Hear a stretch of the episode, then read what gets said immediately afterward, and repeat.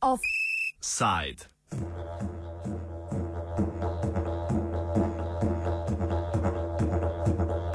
Gozdna ljudstva in njihove pravice.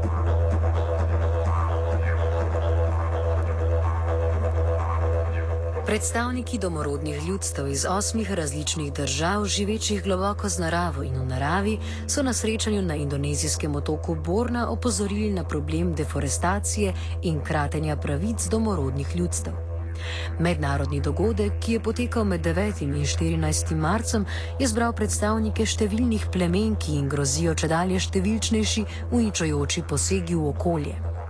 Dogodek je rezultiral v sprejetju Palanga-Karajske deklaracije, katere namen je poziv mednarodni skupnosti in nacionalnim vladam, da se zavežejo k varovanju pravic domorodnih plemen v ogroženih območjih v skladu z mednarodnim pravom. Deklaracija tako zahteva od različnih akterjev takojšnje ukrepanje, saj je situacija neuzdržna. Več o mednarodnem srečanju in deklaraciji Markus Colchester, član organizacije Forest People. So we had a very interesting meeting with people from about um, eight different countries gathering in Borneo, in um, in Indonesia, to discuss their situation, and they all presented their their own experiences with what's happening in their forests. And um, what was alarming in the meeting was to hear very similar stories from different parts of the world about the pressure their lands are under um, from plantations, uh, particularly the spread of oil palm plantations, which have been a problem in Asia for a long time and are now moving into Africa and into Latin America, but also timber estates and logging, and then mining extraction, road building, uh, hydropower projects, a number of different um, um, development schemes are impacting heavily on the forest resulting in acceleration of deforestation in some areas and even globally. Kakšne so torej možnosti za pravice domorodnih plemen? Moč vlad je omejena, morda gre računati na mednarodne institucije, vendar nekaj je jasno: možnosti obstajajo. Poziv mednarodnega srečanja je, da naj vlade zagotovijo pravice domorodcem, ki so sami eksistenčno odvisni od gozda. V območjih, kjer so bile te pravice zagotovljene, se je situacija obrnila v pozitivno smer. Pozitivni primeri torej obstajajo. Več v pogovoru z Markusom. Well, I think what we can see from uh, the findings from the communities and the organizations that are representing them is that the current efforts to address deforestation are really not working because they're not giving priority to people's rights.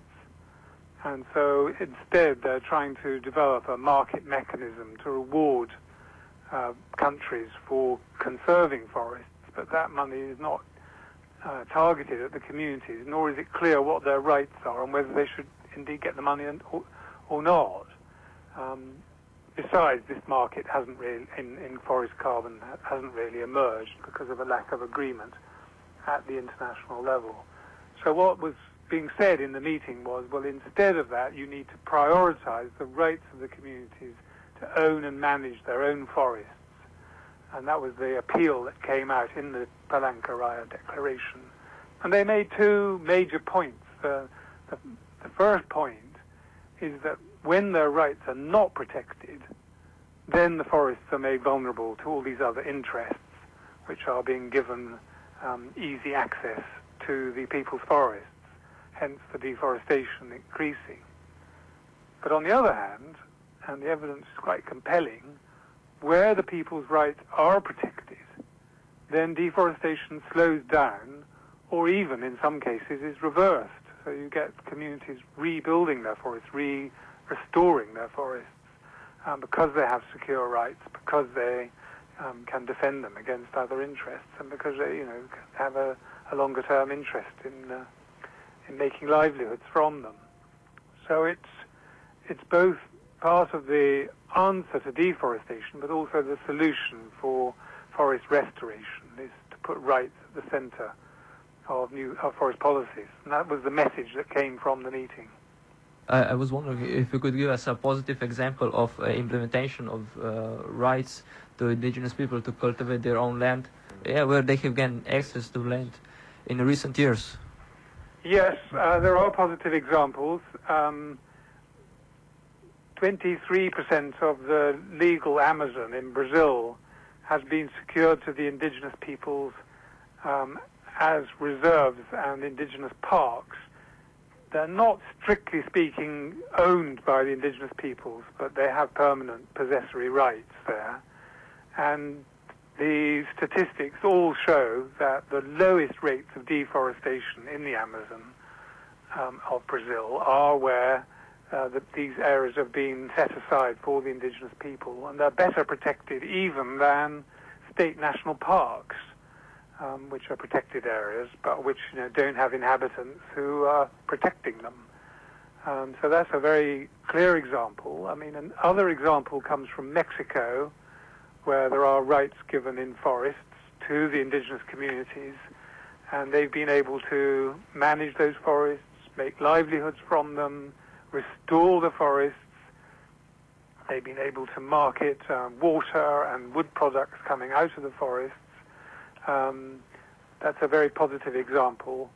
And uh, even in Indonesia, where rights are relatively insecure, where the communities are getting rights, then there are, you know, you can immediately notice positive changes, particularly on Java. There's been a lot of forest restoration. Uh, yeah, in recent years, uh, we see that uh, progressive, progressive parties have emerged in Latin America. Do they have any effect on the? Does this change of authority have any effect on the deforestation problem? Well, I'm not quite sure who you are referring to as progressive parties, um, but unfortunately, the governments, if you're referring to the governments of Bolivia, Ecuador and Venezuela have not really been um, securing rights in a way that restrains the extractive industries from moving in on indigenous territories. So in all those three countries, you've still got road building um, and extractive interests being promoted even in areas where indigenous peoples are claiming rights. Venezuela is an interesting case in point. They have a very, very uh, good uh, constitution, and they have some very important laws protecting indigenous people's rights, including provisions to allow for indigenous peoples to demarcate their lands and, and, and have them allocated to them as their permanently owned lands. Unfortunately, the government has not accepted the um, submissions from the communities to have their lands uh, recognized. So there's a big gap between the policy and the constitution on the one hand, and what's happening on the ground in the other. What about the role of the UN and other international institutions in the uh, protection of the uh, rights of the indigenous people?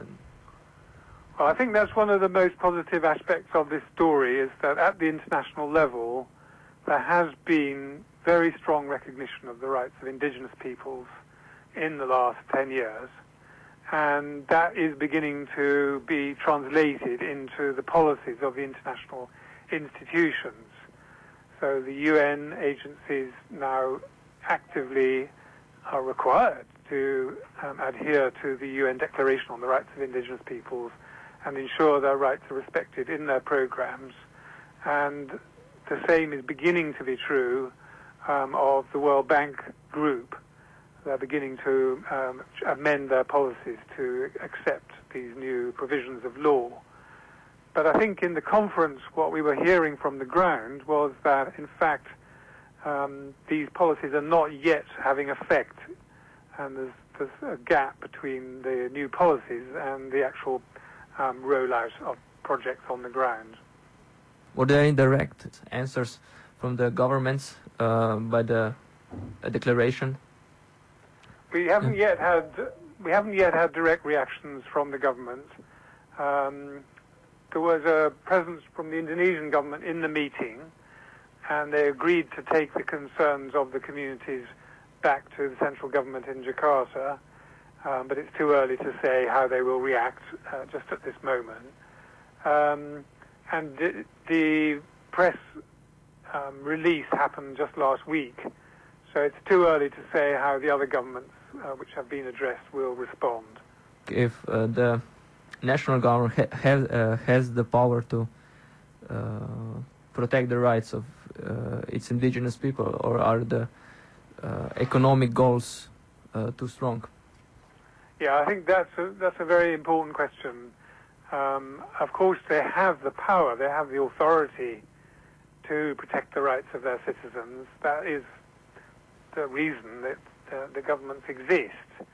Um, however, um, they are having difficulty prioritizing those interests because of the pressure from commercial interests to get access to forests and uh, to exploit them. Um, and so there is a, a contradiction between the state's obligations under international law and under their own constitutions to protect the rights of citizens, including, including particularly people in forests, in this case. But then these other interests are pressing in and are uh, slowing the application of law or indeed uh, objecting to new laws which might protect these rights. So that is that is where the contest is. It's at the national level. Um, now, some of the um, interests that are getting access to forests are, of course, international ones. Um, it's the global trade in commodities, global investments in the production systems are, you know, a major part of the problem. Um, we're talking about palm oil, we're talking about soy, we're talking about timber, we're talking about pulp and paper, we're talking about minerals, oil and gas.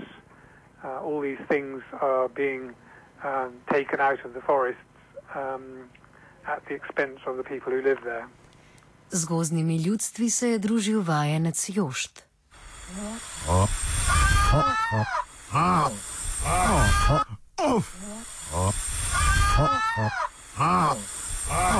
Offside.